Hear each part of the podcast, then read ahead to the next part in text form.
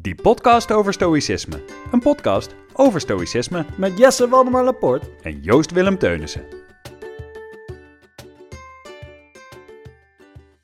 Wist je trouwens dat die podcast over stoïcisme mede mogelijk wordt gemaakt door Athematica Academie? Wij wel. Goed. Hallo Joost. Hallo Jesse. Hallo Gent. Hallo Gent. Wat fijn eh, dat jullie in zulke grote getalen zijn gekomen. Even voor Welkom. de luisteraars voor later. Wij zijn dus eh, nu live met een aflevering van die podcast over stoïcisme in het Geuzenhuis in Gent. Yes. Ja, we Ja. zijn eh, internationaal op dit Ja. moment. Heel erg leuk. Wij zijn uitgenodigd in het kader van Stoicon. Het festival wat nu een soort meerdaagse eh, vorm heeft gekregen. Dus inderdaad een soort een nieuwe Stoicon. Waar we heel blij mee zijn. Ja, Waar we allereerst heel benieuwd naar zijn, is of er mensen bekend zijn met onze podcast. Vingers omhoog. 1, 2, 3, 4, 5, 700 mensen steken hier vinger omhoog een in hand. Ja, ja.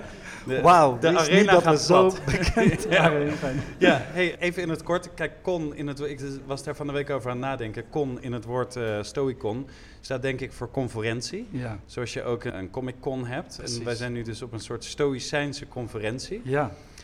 Ik dacht, wellicht is het goed als we even aan de andere paar duizend mensen uitleggen eh, de- hoe wij zijn beland bij het stoïcisme en Ja. wat we denken dat het behelst. Ja, precies. Ja.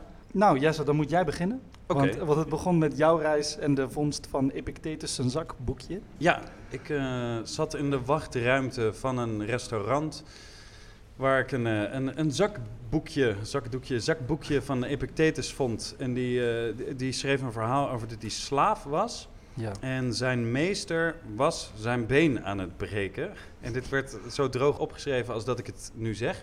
En hij zei, als u zo doorgaat, dan breekt mijn been nog. En vervolgens brak zijn been. Toen zei hij, ziet u nu wel, mijn been is gebroken. en dat, dat is voor mij een soort, oh, nou, dat is fijn als je zo met de dingen kan omgaan. Ja, zo luchtig. Eh, ja, toen bleek het dus een stoïcijn te zijn. Toen heb ik daar een boek over gekocht. eh, was enthousiast eh, dat boek voor jou gekocht. Ja, Toen zijn we aan de slag gegaan. Toen hebben we het stoïcisme ontdekt. precies. En zoals we in meerdere afleveringen hebben gezegd, maar mensen hier natuurlijk niet weten, is denken wij dat we het stoïcisme kunnen terugbrengen tot eh,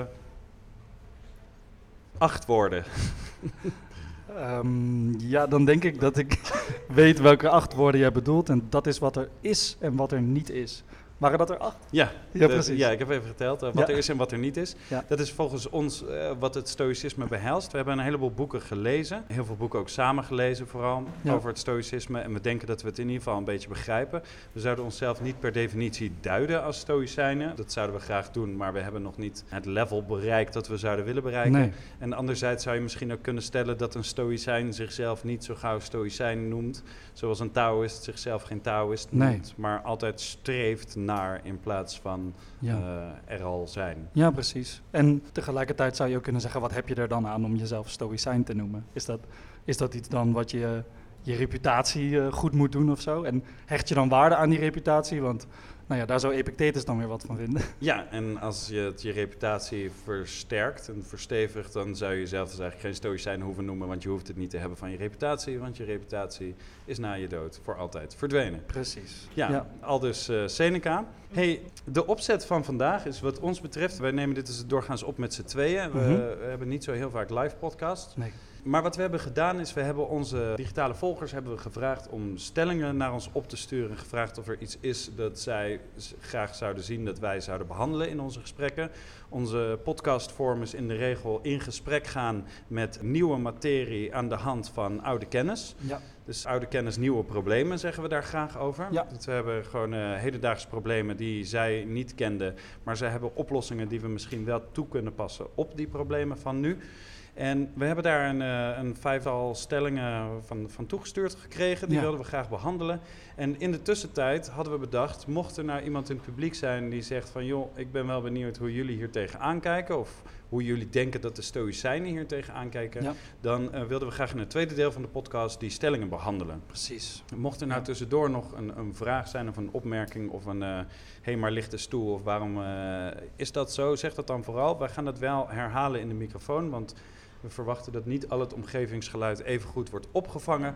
Maar mocht er iemand zijn die denkt: Oh, als jullie op zo'n manier met een stelling omgaan, dan wil ik ook wel eens horen hoe jullie dat met mijn probleem doen. Ja. Dan doen we dat van harte. Vandaar het pen en papier.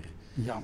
Als wij te snel gaan, eh, roep dan ook even, want eh, Nederlanders en Vlamingen hebben een, eh, een, een- niet echt een taalbarrière, maar wel een verschil.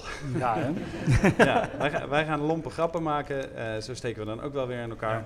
En eh, misschien te snel praten in een accent dat jullie niet dagelijks voor je kiezen krijgen. Precies. Dus daar houden we graag rekening mee. Jullie zijn tenslotte ons publiek en wij bestaan vandaag alleen maar bij gratie van jullie. Ja. Dus dank daarvoor. Nou, nou heb ik ook de gekke eigenschappen dat ik, nou ja, des te langer ik in België ben, ik ineens een soort zachte G begin te krijgen. En na twee dagen zeg ik allee en allemaal zulke woorden. Ja. dat, dat is geen culturele appropriatie, het spijt me. het is Joost soort- was net vijf minuten aan het bellen met de organisatie en begon al in uitdrukkingen te spreken die wij helemaal niet kennen. die we helemaal niet gebruiken. Ja. de- het spijt me vast als dat verwarring veroorzaakt. ja, dit is eigenlijk vooral voor de digitale luisteraars. Als jullie denken dat halverwege de op- af- aflevering opeens iemand anders tegenover mij zit, het is Joost. Ja, ik Ja, maar, Mensen halen ons eh, wel eens door elkaar, zeggen ze. Als Oh. eh, eh, de podcast aan het luisteren zijn, dat zal vanavond dus dan minder eh, aanwezig zijn, denk ik. ja. We hebben inderdaad een aantal stellingen waar we mee aan de slag gaan. En eigenlijk in de tweede helft hebben we dus ruimte gelaten voor jullie om stellingen of andere paradoxen of vragen in te brengen die jullie interessant vinden. Maar indien dat niet gebeurt, hebben wij altijd nog eh, een volgende Iets serie. Precies, we hebben nog Ja. iets achter de hand.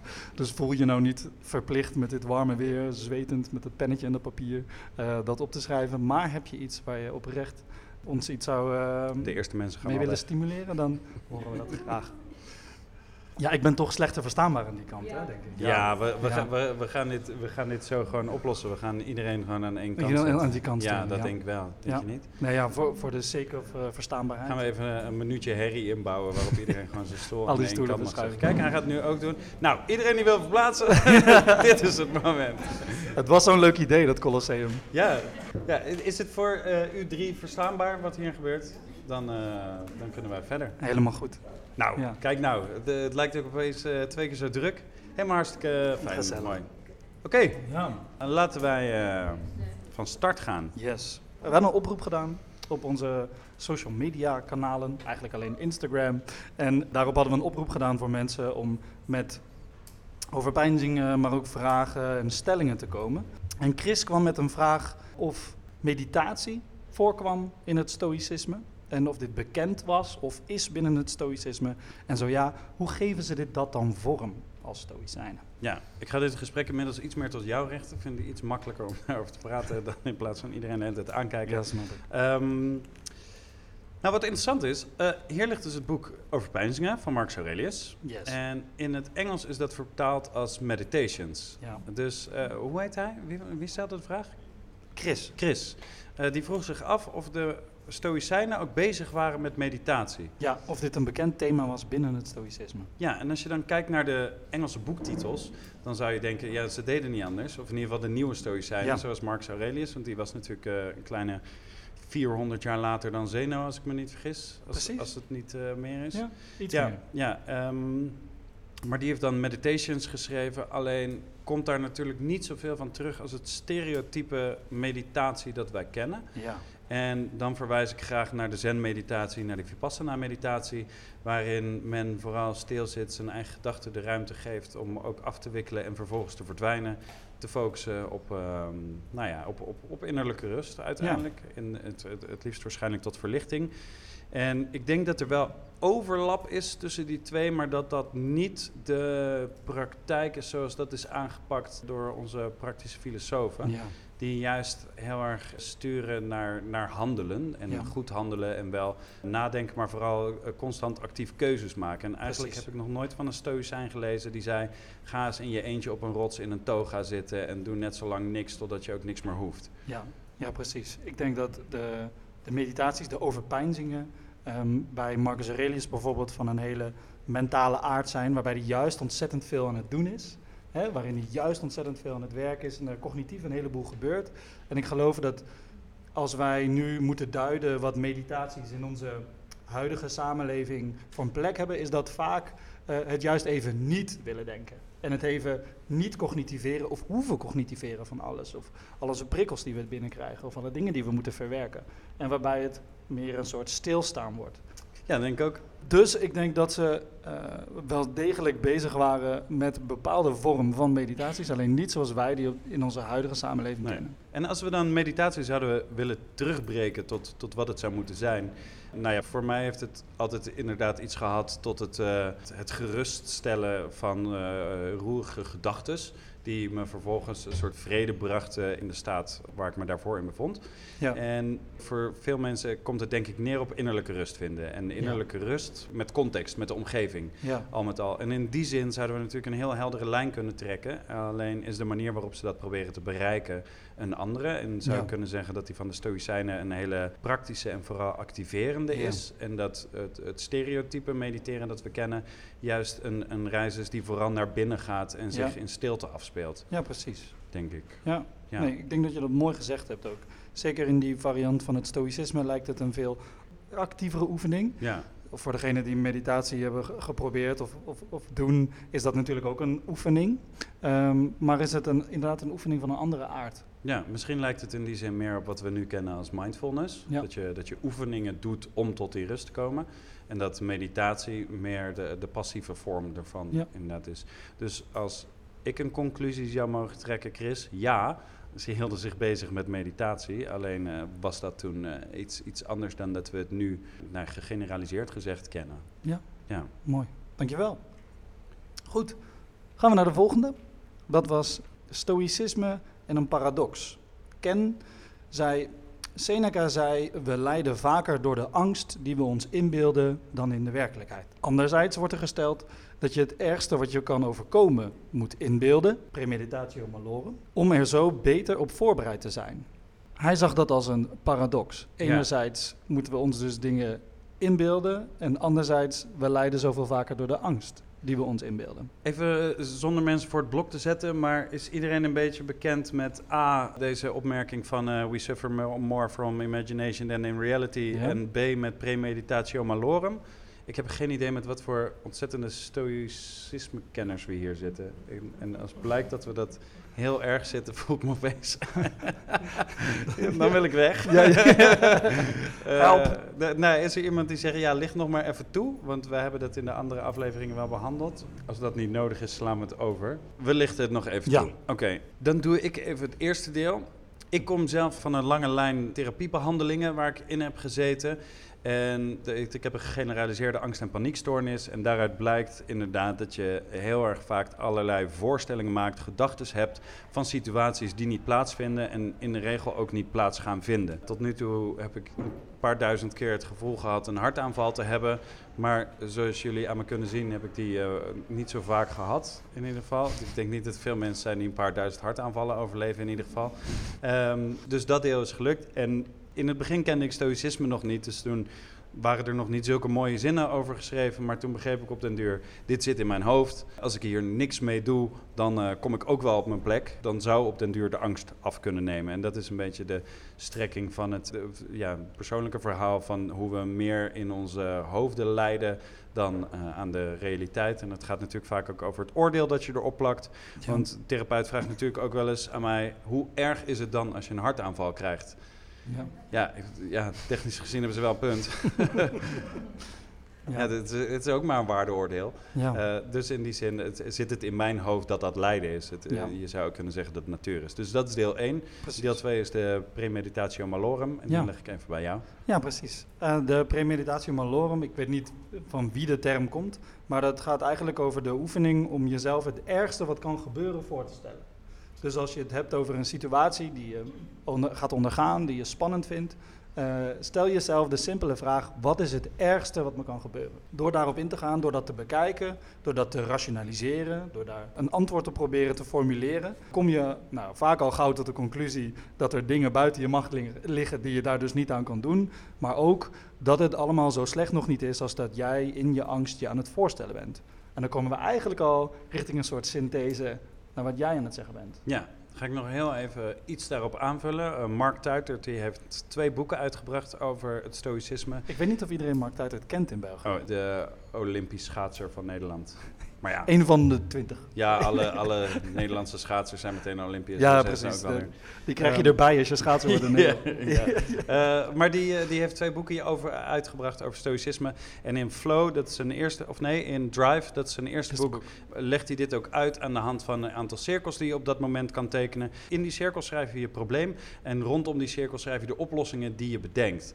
Voordat je het probleem daadwerkelijk tegenkomt. En dat, dat kun je er dan bij pakken op het moment dat je geconfronteerd wordt met het probleem. En een vergelijkbaar iets is dus weer in de therapie, om die even erbij te pakken. Daar noemen ze dat interoceptieve exposure therapie. Uh, of tenminste, uh, interoceptieve exposure wordt het, wordt het ja. uh, genoemd. er zijn ook nog wel moeilijkere woorden voor, maar dit lijkt me wel even genoeg. Maar dit betekent dat je een situatie waar je bang voor bent gaat oproepen. En ja. ik heb wel eens in de meest heftige vorm van therapie moest ik op een dag, werd ik opgesloten in een kast met een rietje in mijn mond, met mijn neus dicht, met het licht uit, met de deur op slot, moest ik gaan hyperventileren door het rietje. En dat is, dit, dit klinkt als iets dat ze over honderd jaar luisteren en zeggen, oh, dat kan nu echt niet meer. Nou ja, het, het, het, was op zich natuurlijk gewoon veilig, maar ik ging iets oproepen, uh, namelijk een gevoel dat ik in andere situaties kreeg. En de vraag was dan nu, hoe ga ik daar nu mee om? En dat is een beetje die premeditatio malorum. En dan komen we bij de vraag van Ken, is dat een paradox, namelijk dat we aan de ene kant zeggen dat we meer lijden in ons hoofd dan aan de realiteit. Terwijl ze tegelijkertijd zeggen: zoek dat lijden op in je hoofd, zodat je ermee kan omgaan in de realiteit. Ik snap dat dat paradoxaal klinkt. Ja. Alleen is het natuurlijk zo dat op het moment dat jij geconfronteerd wordt met, met dat zogenaamde lijden in de praktijk, is die praktijk er. En dan is er de context mhm. van die praktijk waarin jij uh, jezelf iets wijs maakt of oplegt of een oordeel hebt over de situatie waarin je begeeft. En over de gevoelens die je dan hebt. Ja, en tijdens premeditatio malorum is het juist zo dat je buiten context, buiten het probleem, het probleem probeert te, te visualiseren als het ware en kijkt naar wat kan ik in deze situatie doen. En je kan veel rationeler naar de situatie kijken, hoe echt je het ook maakt. Ja. Het is niet aan de hand. Nee. Je hebt het opgeroepen, maar het is je niet overkomen. En dat maakt je sterker op het moment dat het je werkelijk overkomt. Namelijk, hé, hey, maar ik heb vorige keer bedacht dat ik in deze situatie het volgende zou doen. Ja. Namelijk dit. Zo zou ik zeggen dat het juist geen paradox is. Maar uh, nou ja, zoals jij dat net in de auto zei, jij noemde dat shadowboxing. Oh, shadowboxing, ja. Ja, licht toe. Ja, precies. Nou ja, de, de, dat, die term kwam in me op omdat het een beetje voelt alsof je aan het trainen bent voor wat er gebeurt. En je lijf is er helemaal klaar voor. Je bent jezelf aan het oppeppen uh, om dat echt te doen. Maar het hoeft nog niet. Dus het is een soort training voordat het daadwerkelijk echt gebeurt. Zo, zo zou je het kunnen zien als een soort een mentale training om jezelf dat voor te stellen. Uh, om een voorbeeld te geven die ik ook in een aflevering in de podcast aanhaal. Uh, ik ben teamleider op een buitenschoolse opvang. Uh, een hele grote in de regio bij mij in Elst, bij Arnhem. daar vangen wij dagelijks 160 kinderen op. Um, in de coronaperiode werden we als belangrijk beroep gekenmerkt en moesten we blijven doorwerken. En ook de meeste mensen konden hun kinderen bij ons blijven brengen. Alleen wat het gevaar was, was dat ik meer zieken had dan dat ik kinderen kon opvangen, waardoor er een disbalans ontstond en ik mijn werk niet meer kon uitvoeren en mijn medewerkers ook niet, want er zijn er te veel kinderen en te weinig medewerkers en dan moeten we dicht. Dat lag altijd op de loer. Uh, dat hoorden we bij andere dorpen in de buurt, dat die al dicht moesten. Andere steden, ja, die moesten ook al dicht. En oh, die doen elke week al een groep dicht uit voorzorg dat er iemand straks ziek is en dan kun je niet meer. En oh, als iemand dan corona heeft, dan kunnen we helemaal plat. Dus het was zeker een, uh, een, hele angstige periode waarin je constant soort van aan het voorstellen was van wat nou als er gebeurt. En wij hadden een gesprek en jij zegt, ja en wat nou als jullie dicht moeten dan? En toen dacht ik, ja, ja, ja dan moeten we dicht. Ja, dan heb ik misschien wel vrij die dag. ja, want we kunnen ons werk niet doen. Ja. En ineens was die angst, die, die laag was er af. Door, door je het jezelf voor te stellen, maar er niet te zijn of er niet te hoeven zijn op dat moment, maakte dat voor mij eigenlijk dat er ruimte ontstond om in uh, na te kunnen denken. Ja. ja. En daarna heb ik je nog een vraag gesteld, dat deden ze bij mij in therapie ook. Ze zeggen, wat is het ergste dat er kan gebeuren? En dat breek je dan helemaal af. Maar goed, dan ben je voorbereid. En daarna zeggen ze, wat is het beste dat er kan gebeuren? Oh, ja. oh goeie. En, en ik heb dat zelf op een gegeven moment heb ik dat uh, gedoopt tot doemscenario, droomscenario. En veel realistischer komt het droomscenario uit. In dit geval, je blijft open. Ja, ja. Droomscenario, doemscenario. Doemscenario, je gaat dicht, je hebt nooit meer werk, kinderen Ja. gaan allemaal dood van de honger en eh, weet ik veel. Het droomscenario, je blijft open, iedereen overleeft. Ja, ja, we zijn elke dag... tweede is gebeurd. Ja, we zijn elke dag open gebleven, er was niks aan de hand. Wat een droom. Ja, dit is wel echt. Ja. Oké, volgende. Dan was er een quote die Ivar aanhaalde. En Ivar reageerde op de quote die werd gedeeld. De quote die werd gedeeld was van Seneca. Eh, die was in het Engels en die luidde: If a man knows not which port he sails, no wind is favorable. Met andere woorden, als een man niet weet welke kant hij op zeilt, naar welk poort hij zeilt, is er haven, naar welke haven hij, hij eh, gaat, is geen enkele wind gunstig. Waarop Ivar zei, maar als hij er bewust voor gekozen zou hebben om niet naar een bewuste haven te varen, is dan elke windrichting gunstig?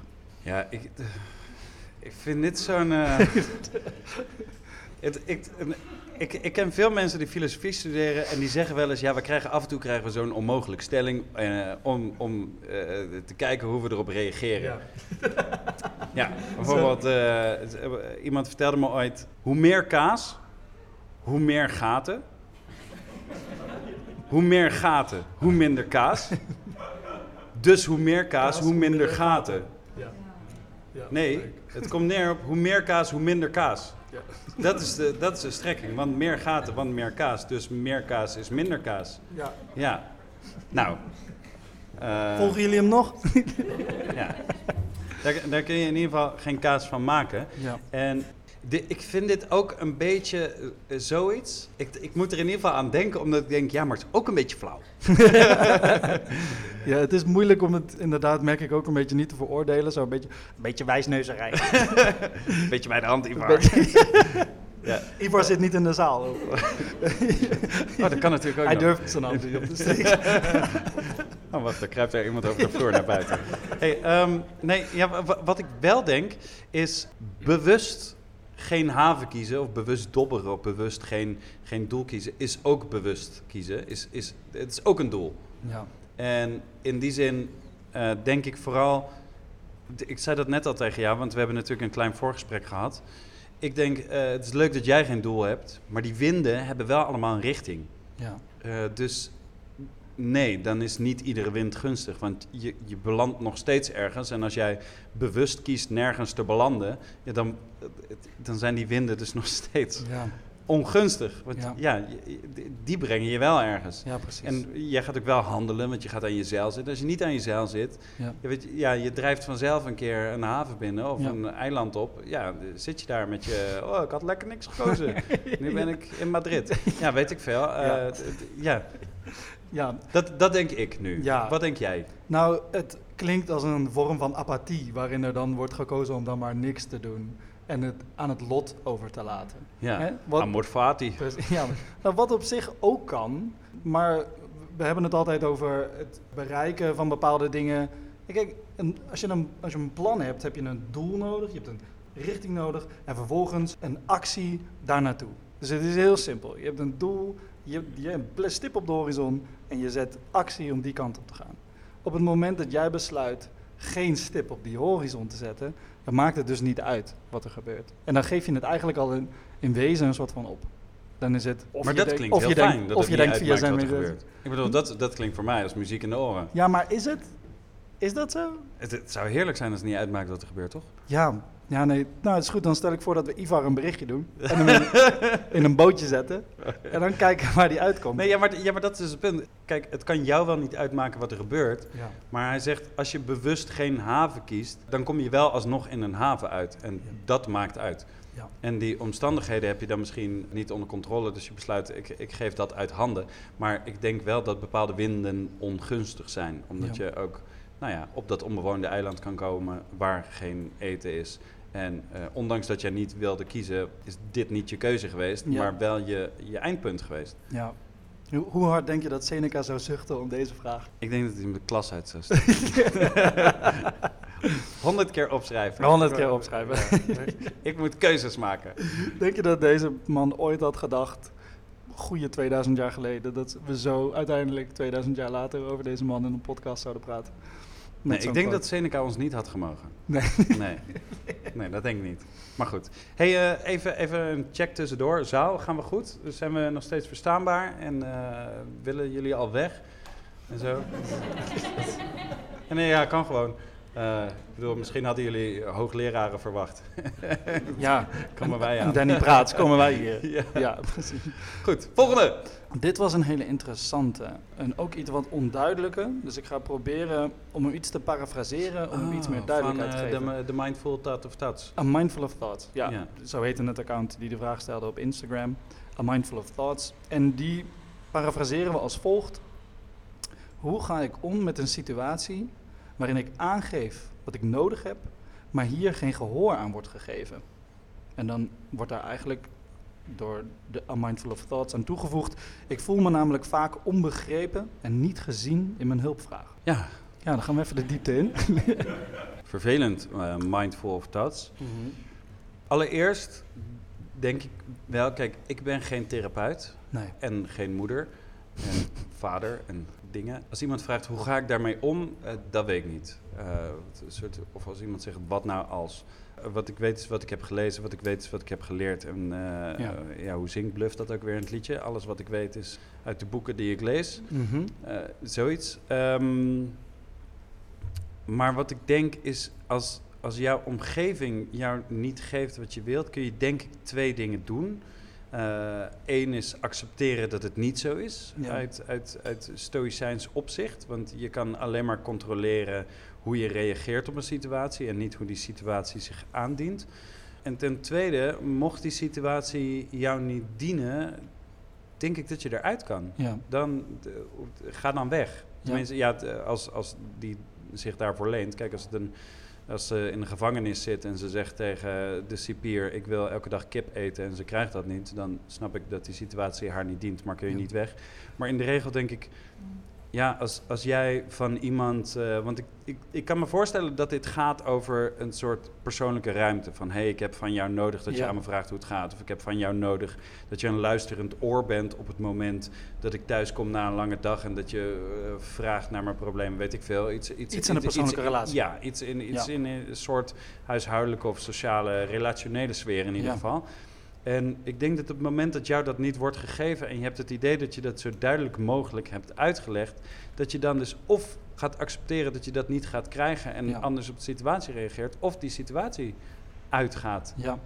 als ik eh, zo lomp mag zijn. ja, precies. Dus dan heb je het over je, die persoon of de, Ja, de richting van die sociale situatie te zeggen, nou, weet je. nee, ik heb, ik heb best wel vaak zelf natuurlijk in, in zulke paniekaanvallen in situaties gezeten. Ik dacht, je moet nu alleen maar geruststellend dingen tegen mij zeggen. Je moet zeggen dat het goed komt. Je moet zeggen, Jesse, je bent nog hartstikke jong. Je kan geen hartaanval Ja. krijgen. Je moet allemaal dit soort dingen zeggen. En dat mensen die dan die veel te rationeel zijn voor dat soort onzin, die zeggen, nou, ja, maar kan ook wel. Nee, maar dan moet je helemaal niet zeggen. dan word ik nog banger. Ja, goed, die geven mij dat dan niet. En Ja. daar moet ik het dan mee doen. Ja. En dan kan ik besluiten niet meer met die persoon te praten. Soms is dat niet aan de orde. Het tweede is dan dus, oké, van jou ga ik het niet krijgen. Dan Ja. Ja, de- ja, ga ik er ook niet om vragen. Dan Nee. moet ik iets anders doen. En dat is denk ik vanuit stoïcijns opzicht het antwoord. ja. En als ik het persoonlijker zou proberen te trekken, Joost, als ik iets van jou nodig heb. Nou, wij zitten net in de auto. Als ik had gewild dat jij 3,5 uur lang je mond had gehouden, had ik dat tegen je gezegd. Ja. En dan was dat waarschijnlijk niet gelukt. Zeker niet. Nee. dus dan, eh, ja, eh, had ik dat maar gewoon moeten nemen, Ja. denk ik. En dan had ik een vorm moeten verzinnen. Een soort van, oh, maar misschien vind ik het draaglijker als de muziek aanstaat. Of misschien dat als ik de radio aanzet, dat hij het in ieder geval beperkt. Omdat er de hele tijd iemand anders doorheen praat. dus eh, zoiets. Ja. Eh, ja, dat denk ik, Ja. voor persoonlijk. Wat, hoe is met jou? Ja, nou, ik, ik denk dat het eigenlijk ook een mooie eh, ingang zijn voor een soort zelfonderzoek. Waarbij dus de persoon in deze heel erg op zoek gaat naar wat is het dan wat ik nodig heb. En eh, heb ik dat per se van die andere persoon nodig? Want er ligt duidelijk een behoeftevraag ergens hierachter verscholen. Goeie Dus, vraag. dus er is iets wat die persoon nodig heeft. En dan vraag ik me heel erg af, nou ja, en daarom had ik gewild dat dit specifieker was. Want zeker als het zo'n sociale situatie is, is het fijn als die zo specifiek mogelijk worden gemaakt. Dan kun je er zo'n mooie casus van maken. Maar in dit geval blijft die nog wat vaag. Eh, maar is in ieder geval duidelijk dat er een behoefte speelt. Eh, en dan ben ik heel benieuwd naar, als het dan zo is dat je tegen die muur oploopt in sociale zin, eh, is het dan niet mogelijk om op een andere manier jezelf van die behoefte te voorzien? Is het mogelijk om in contact met jezelf, in je, niet in je interpersoonlijk contact, maar intrapersoonlijk contact met jezelf, door bijvoorbeeld bepaalde meditatieve oefeningen te doen, of vragen jezelf te stellen, of andere, anderszins, ehm, met, met jezelf meer die band aan te gaan. Nou, vind ik een goede wedervraag. Ja. Ja. hey, hoe is dat, Nou, hier eh, is het. mindful? ja, helaas is ze er niet om eh, vragen of te hij? Of zij? Ik weet niet. Hij of zij. eh, Mindful of thoughts. Ja, Ja. om er eh, antwoord op te geven. Ja, er worden wel allemaal lieve heersbeestje emojis en zo gebruikt, waardoor ik dan toch sneller geneigd ben te denken dat het een zij is. Maar het Ja, dat denk ik. kan nog van alles ertussen die- en eromheen zijn. Ja, Hè? precies. En zo'n smiley Met van die ja. sterretjes in die oogjes. Ja, Ja. goed. Next. Dan, ehm, ja, dan was er een hele interessante vraag van Am. Am die vroeg zich af, hey, die ene stoïcijn die al die kinderen verloren heeft, is dat niet een traumarespons? Am? An? Am. Driepoot? Am, driepoot. Oké. Ja. Ehm, is dat niet een traumarespons? Want dat is heel interessant, daar had Am zich in verdiept. Dat kan zo zijn dat mensen in een traumarespons erg droog naar de zaken beginnen te kijken en dingen kapot relativeren. En die bekijken eigenlijk alles met relatief weinig emoties. Zij vraagt zich af, of hij vraagt zich af, was Marcus Aurelius dit ook niet aan het doen? Immers, acht van de minstens twaalf, dan wel dertien, dan wel veertien. De bronnen zijn hier onduidelijk over. Uh, maar zoveel kinderen zou hij hebben gehad. Uh, minstens acht van die kinderen dus verloren en overleden. Van hem en Faustina, zijn vrouw. Hardop blijven praten, hè? Ja. ja. ja, dus een traumarespons kan betekenen dat je relatief emotieloos op een situatie reageert. Ja. Nou hebben we in ieder geval in Nederland, ik weet niet hoe dat in het buurland is, maar wordt stoïcijns uh, woordenboek technisch vaak ook gebruikt als een soort emotieloos of uh, ja, onbewogen op een situatie reageren. Terwijl, nou ja, wat ons betreft, het stoïcisme niet helemaal zo in elkaar steekt. Zij zeggen niet dat je je emoties moet verstoppen of niet moet hebben. Of uitschakelen. Ja, maar Ja. meer dat, uh, dat hoe je reageert op je emoties en, reageert, uh, en, en dat je je oordeel wel zou kunnen aanpassen. Ja. Maar die, ja, die emoties die zijn er nou eenmaal. Ja, dat, dat ontkennen zij ook niet volgens mij. Ja, we praten trouwens de hele tijd in de zijvorm, omdat we onszelf dus niet zien als, uh, als deze grootheden. Op een dag. nee, um, dus wat dat betreft vind ik het niet zo gek. Dat je Ja. zegt, ja, als, als traumarespons onbewogen en emotieloos is en stoïcijns uh, zo wordt geïnterpreteerd.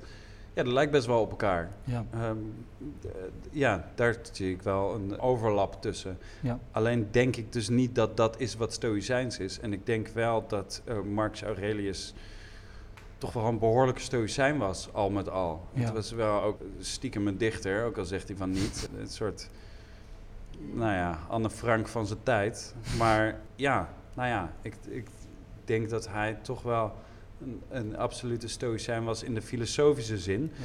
En voor dat- degene, even, ik onderbreek je heel even. Voor degenen die het niet weten, waarom, waarom maakt hij nou de vergelijking Anne Frank? Harder. Eh, voor degenen die het niet weten, waarom maakt hij nou de vergelijking Anne Frank? De conclusies zijn dat het boek over pijnzingen een zakboekje was. Of een dagboek eigenlijk, van Marcus Aurelius. Dus nooit de intentie om gepubliceerd te worden. Het dagboek van Anne Frank immers ook niet. Dat was gewoon haar dagboek. Dus het idee hierachter is dat eh, Marcus dit allemaal naar zichzelf heeft geschreven. Niet per se naar ons als advies, maar dat hebben wij nu allemaal lekker fijn gedaan en allemaal het boek gelezen en we kunnen En dat heerlijk op onszelf allemaal in de betrekken. jij-vorm, zodat jij-vorm. beter kon Ja. eh, aannemen als lessen aan Precies, zichzelf. en er zijn inmiddels vijf gangbare vertalingen van waar het boek steeds opnieuw wordt vertaald. Hè, die zijn allemaal nou ja, de, de, de, in de loop der jaren wat aangepast en wat veranderd. Eh, maar oorspronkelijk is het boek dus een dagboek geweest, waarin dus allemaal persoonlijke overpeinzingen stonden. Ja, maar dan schrijft hij af en toe zo, zo bloemrijk en dan zegt hij, oh, ik ben blij dat ik geen dichter ben geworden.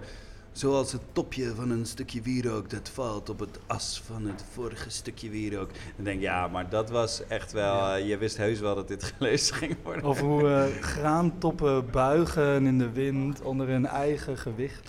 Ik heb dus geen idee. Er zitten hier waarschijnlijk allemaal mensen die hier onderzoek naar hebben gedaan, essays over geschreven en zo. Die weten allemaal veel beter hoe dit zit. Maar goed, hè, dit is onze onbescheiden mening. Ja, precies. Even helemaal terug. Ik denk dat het een behoorlijke stoïcijn was. En ik denk niet dat hij emotieloos heeft gereageerd op de dood van zijn negen Nee. kinderen. Nee, dat denk ik ook niet. Ik denk ook niet dat hij zijn emoties uitschakelde. Hij had het wel over dat. ehm daar heeft Seneca het natuurlijk vooral over, maar hij had er ook over dat, je, dat hij blij was dat hij niet gepassioneerd was. Dat, hij, dat hij geen passie had. En eh, passie is misschien een soort emotie 2.0. Dus dat je vervolgens opwint en dat komt dan misschien weer voort uit een soort oordeel. Dat kan ik me op zich voorstellen. Maar ik denk niet dat hij te rationeel of emotioneel op de dood van zijn kinderen heeft gereageerd. Kijk, ik weet niet hoe hij heeft gereageerd natuurlijk. Maar zoals ik hem lees en zoals ik zijn biografie lees en zijn overpeinzingen lees en eh, de verhalen over hem lees, denk ik dat hij het helemaal niet heeft teruggebracht tot alsof hij er niks bij voelde. Ja. Maar dat hij het, het heeft gezien als natuur en Ja. zijn reactie daarop dus ook. ja, precies. Ja. En eh, ik, er zit hier ongetwijfeld iemand in de zaal die er meer over kan zeggen. Ik durf ze niet meer aan te kijken. Nee. Maar, eh, maar goed, als het, mocht dat zo zijn, dan mag dat natuurlijk. Ja, maar mooi dat je daarin Dat de menselijke natuur aanhaalt. Want dat is iets wat Marcus Aurelius volgens mij in boek 1 of boek 2 ook heel erg aanhaalt. Ja, Over hè, wat de natuur dan behelst. En wat, nou ja, eh, stoïcijnen hebben het dan wel eens vaak over een soort eh, eh, goddelijke natuur. In die zin eh, dat eh, alles is. Nou ja, en dat, dat, eh, dat het feit dat alles er is, dat dat iets goddelijks is. Hè, dus Ja. creatie in die zin. En ik, ik kan me voorstellen dat hij het op die manier zou kunnen eh, plaatsen, dat wat is gebeurd. Maar dat het allerminst iets is waarvan hij eh, dacht, oké, en nu weer door met mijn veldtochten in Germanië en al die stammen daar hij heeft het natuurlijk ook vaak over die eenheid in natuur en hoe we er Ja. onderdeel van zijn en hoe alles maar gewoon tot leven komt en weer doodgaat. Ja. Ja, dat dat dan door de pest is. eh, dat, daar komt denk ik weer dat oordeel om de hoek Ja. kijken. Als ik een hartaanval krijg, ja, hoe erg is dat eigenlijk? Ja.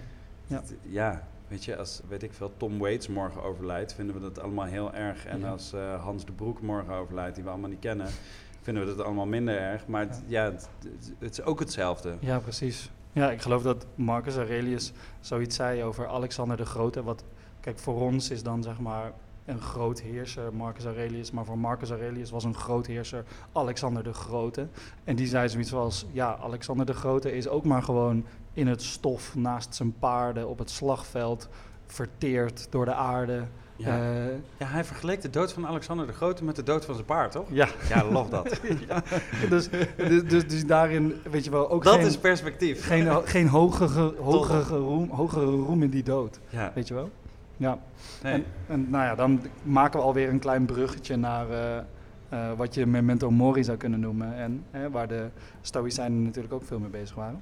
Maar ik ben inmiddels wel benieuwd. Ik heb een aantal mensen lichtelijk zien schrijven. Ik weet niet of het persoonlijke notities waren. wacht, gaan we dat niet in één keer doen? Dat we, anders krijgen we heel veel beweging. Oh, oké. Ja, Ja. Dat, dat was Gaan jouw plan. Oh, dat, Ja. oh, dat was mijn Een idee. soort, soort pauze waarin we het opvragen en Ja. aankondigen en opvragen. Zijn we er goed. al doorheen?